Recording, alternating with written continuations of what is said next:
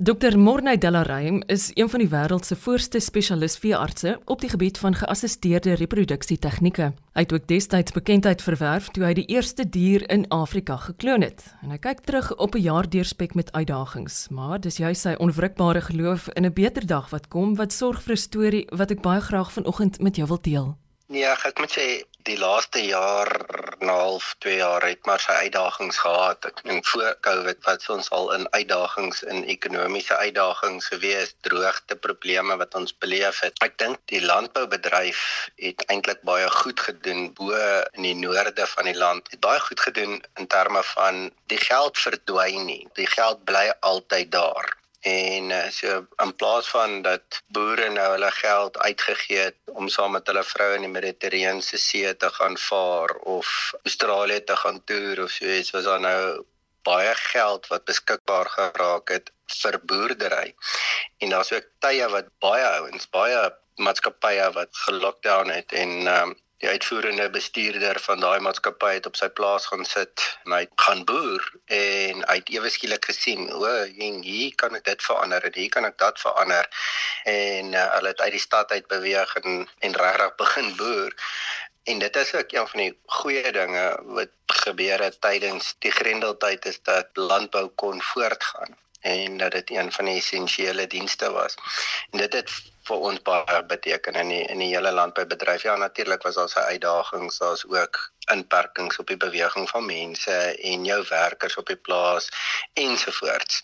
Maar ek dink as ons ons in die landboubedryf wat en ons vergelyk ons sê maar net iets soos in die restaurantbedryf het ons 'n baie beter tyd beleef en uh, en kon ons met ons geld kon ons woeker. En ek dink dit kon baie mooi gesien word in die in die beespryse.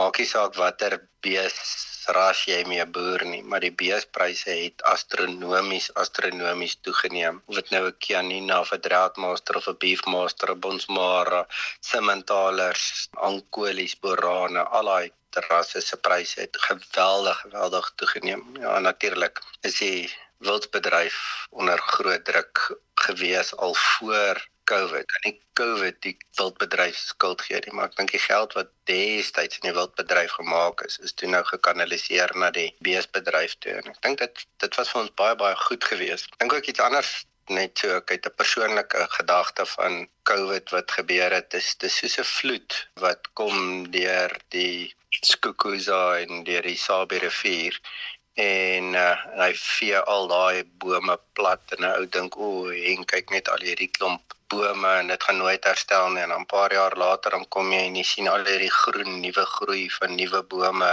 en ek dink dit het ook 'n bietjie teweeggebring tydens COVID dat daar nuwe groei nou is en ek ek dink as daar's 'n vernuwing wat plaasgevind het en die boer wat op sy laure gerus het en nie aanpassings gemaak het en veranderinge en vernuwe gedink het nie. Maar hy sukkel baie baie baie meer as die boer wat die geleentheid aangegryp het en en die veranderinge gebring het wat COVID jou verplig het om om te bring. Ek is baie lief daarvoor om jou uit te vra oor jou werk met renosters. Wat het in die afgelope jaar daar gebeur? Wat baie lekker is van Renoster werk is hulle het nie COVID nie. So jy hoef nie afstand te hou van hulle nie. En uh jy moet net die mis uitkrap en as jy die mis uitgekrap het dan is alles daarna baie meer lekker. Nee, ons het tydens die vlak 5 en 4 kon ons nie werk nie. So ons het ook reg stil gestaan en maar dit het ons ook 'n bietjie weer eens laat reflekteer op ons prosesse en gaan kyk wat moet ons bietjie verander en bietjie doen aan aan ons prosedures. En, uh, en ons het sowel so op uh, uh, elementêre plekke met perde begin werk. So ons het ewe skielik begin perde werk doen ook as gevolg van COVID. En wat lekker daarvan is is die perd kan tot 'n mate as 'n model gebruik word vir die renoster want dit is ook die naaste genetiese model, genetiese koppeling aan 'n ander renoster is 'n perd van domestiese diere. En so ons het 'n ongelooflike ongelooflike deurbraak gemaak Karla Herbs wat vir my werk in my laboratorium het aan die begin van die jaar eintlik so aan die einde laas jaar begin hierdie jaar het sy wat ons praat van in vitro maturasie reg gekry by renosters. As jy die eiertjies uithaal uit die renoster uit, dan moet hulle nou deur drie stappe gaan wat ons in vitro bevrugting is eintlik drie stappe van in vitro maturasie in vitro bevrugting en in vitro kultuur wat saam vir jou in vitro produksie gee. En die eerste stap kon ons nooit regkry klaar net van in vitro maturasie nie en dis die volwasse wording van daai eiertjie of oosit om die sperm te aanvaar. En uh, en sy kon toe nou deur geweldige proewe te doen en te kyk na die media's en so in hierdie stilstaan tyd het sy dit nou reg gekry. Toe ons doen nou daai prosesse en dan in vitro bevrugting ons hy ook nou nog besig mee om te ontwikkel en ons dink in vitro bevrugting werk maar ons in vitro kultuur is nog net nie daar nie. Dis die laaste stap om embriootjies te produseer. So ons is ongelooflik opgewonde oor daai deurbrake wat nou gemaak is tydens COVID. En en ek dink dalk in 'n mate as gevolg van COVID omdat hy net 'n bietjie kon kon reflekteer op die op die prosedures. Intussen het ek nou ook begin om die koeie hormonaal te stimuleer met hormone en ons sien ook dat dit baie goed werk om baie meer eiertjies te produseer. Ons het ook 'n jaar en 'n half terug was ons het ek in San Diego was my meeste eiertjies nog ooit 13 oosite uit 'n renoster uit en ek het nou Dinsdag wat verby is, het ek 16 oosite uit een renoster uit en 1 en 5 uit 'n ander een, soos 21 op een dag. En wat lekker is daarvan is as 'n ou elke keer net een eiertjie uit 'n renoster uit kry, dan jy 100 prosedures wat jy moet doen om 100 eiertjies te kry. Maar as jy 20 eiertjies of kom ons sê gemiddeld van 10 eiertjies kry, dan is dit 10 prosedures. Nou elke prosedure is R28000 10 prosedures is 280 000 rand, maar 100 prosedures is 2.8 miljoen. Dit is die, net die sukses aan om eiertjies uit te haal wat ons nou revolusionêr in my wêreld verander het. Dit is ongelooflik lekker. Morna, jy was self baie siek met COVID. Sou jy sê dit jou benadering tot jou werk beïnvloed het? Dink nie dit het my werkwys in die behalwe dat ek nou gouer moeg raak en uh, die longetjies en die hart is nie meer lekker nie en dit is nou 6 maande na die tyd. En uh, so ek dink ek ek, ek dink al op ek afstuur uit dit uit is om net bietjie stadiger te werk en 'n uh, en 'n bietjie meer versigtig te wees met wat jy doen. Ek dink nie dit het enigiets anderster van my verander nie. Ons ons as veeartse is 'n baie realistiese klomp uh in die sin van dit is fisiekte en hy is daar en ons moet bekommerd wees oor hom. Jy moet maatreëls in werking stel sodat jy nie probleme kry nie. Ek stem glad nie saam met die gedagtes van om nie maskers te dra, nie te ent en nie die wetenskap te volg nie, want dit is wetenskaplike prosesse En eh, en baie van dit is is hy nog onkundig hoor natuurlik. Ek meen dieselfde onkunde wat hy het oor knopvalsiekte van baie jare terug en back and claw en verskillende virus siektes wat ons nie veel van weet geweet het nie en soos die jare aangaan meer en meer meer uitvind. Maar eh, maar daar's wetenskaplike beginsels ten minste wat hy toepas al al is dit in in onkunde ek's baie realisties oor die uitbreek van die siekte en die inenting en hy's nie emosioneel gestres nie. En eh, terwyl ons wel ook mense naby ons verloor het wat baie baie baie sleg is dat dit dat dit moes gebeur het. Maar my spesifieke werkwyse en werk terwyl ek werk het ek nie verander nie Dink jy die pandemie het op die diereryk ook geïmpakteer? Dit het besonderlike verskillende impakte op verskillende tye gehad. Met die erge grendeltyd van vlak 5 en vlak 4 het daar iets gebeur byvoorbeeld soos daar was polisie teenwoordigheid en en weermag teenwoordigheid en mense kon nie beweeg nie. So die net iets soos die stropery van die renosters het geweldig verlaag vir 'n periode van tyd. Toe in vlak 3 rond waar daar mense kan beweeg, maar die beheer is nie meer so streng nie. Toe styg die stropery weer ongelooflik baie want daar daar's beweging sonder beheer. En dan tesame met 'n groter hoeveelheid mense wat sonder werk sit of wat sny in hulle werk salarisse gehad het lone ehm um, het dit weer tot die gevolg gehad dat die stropery weer toegeneem het as 'n voorbeeld van die impak wat dit het op diere. Maar die impak wat dit het op diere is gevolg van waarde die mense geraak het.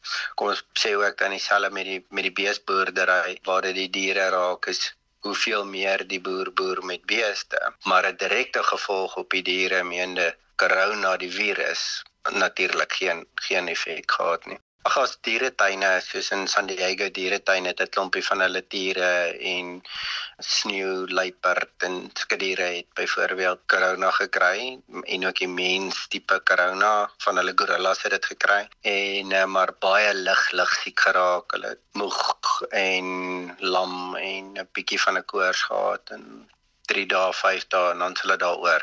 En uh, Zoetis het 'n diere en stof wat hulle dan vir al daai diere gespuit het en die diere wat geënt is het ook nie ook nie corona gekry nie. Ek wou jou nog altyd gevra het, wat is die heel kleinste dier wat jy nog ooit gekloon het? nee, ek het nog net kalvers of nog net beeste gekloon. So daar's nie 'n klein dier en 'n groot dier nie. So ons het nog net beeste gekloon en dan het ons buffel embryos gekloon. Maar ons het nog nie gekloonde diere op die anders as beeste op die grond nie. Wat van slange? Het jy 'n belangstelling om so iets aan te pak iewers vorentoe? Glad nie, glad nie, glad nie. Dankie. Ek right, daar's genoeg slange. Hulle lê eiers. Hulle teel aan genoeg, so ek is heeltemal reg. Ek sal hulle los vir die ouens wat die slange vang. Maar dit is altyd wonderlik om met met sulke positiewe mense te gesels op die program soos jy en um, ons almal het 'n het 'n moeilike 18 maande agter die blad. Ek sluit myself daarbey in, maar mens bly hoop vir 'n beter dag en ek wonder wat is die dinge waarna jy uitsien om aan te pak in jou werk en persoonlik in die nuwe jaar.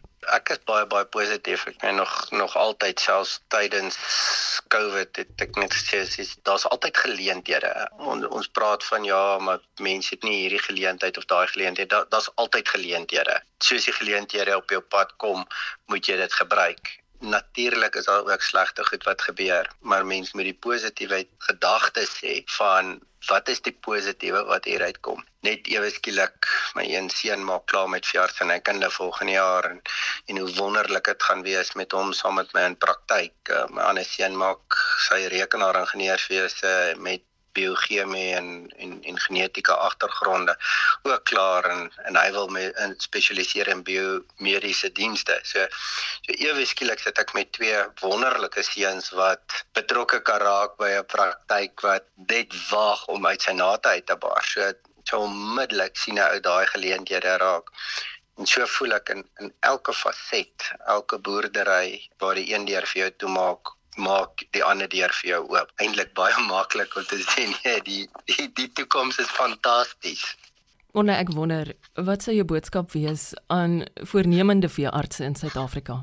Dis 'n baie belangrike punt baie baie veeartse kyk na my jong veeartse en dan sê hulle jy's nie maar ek wil weet wat jy is. Dan sê ek wel ek werk vir 30 jaar of 40 jaar en dan kom jy waar ek is.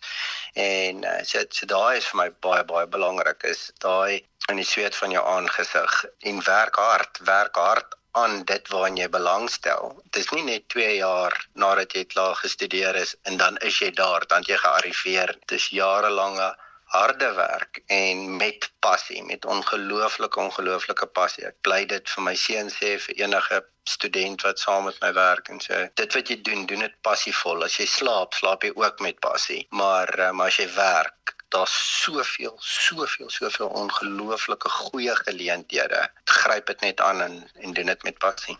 En op daardie positiewe noot groet ek eers. Ek hoop die Saterdag en die res van jou week is met inspirasie besaai. En knik gerus met dankbaarheid na die kant van die volgende boer waarmee jy jou pad dalk mag kruis. Ek is Eloise Pretorius. Totsiens.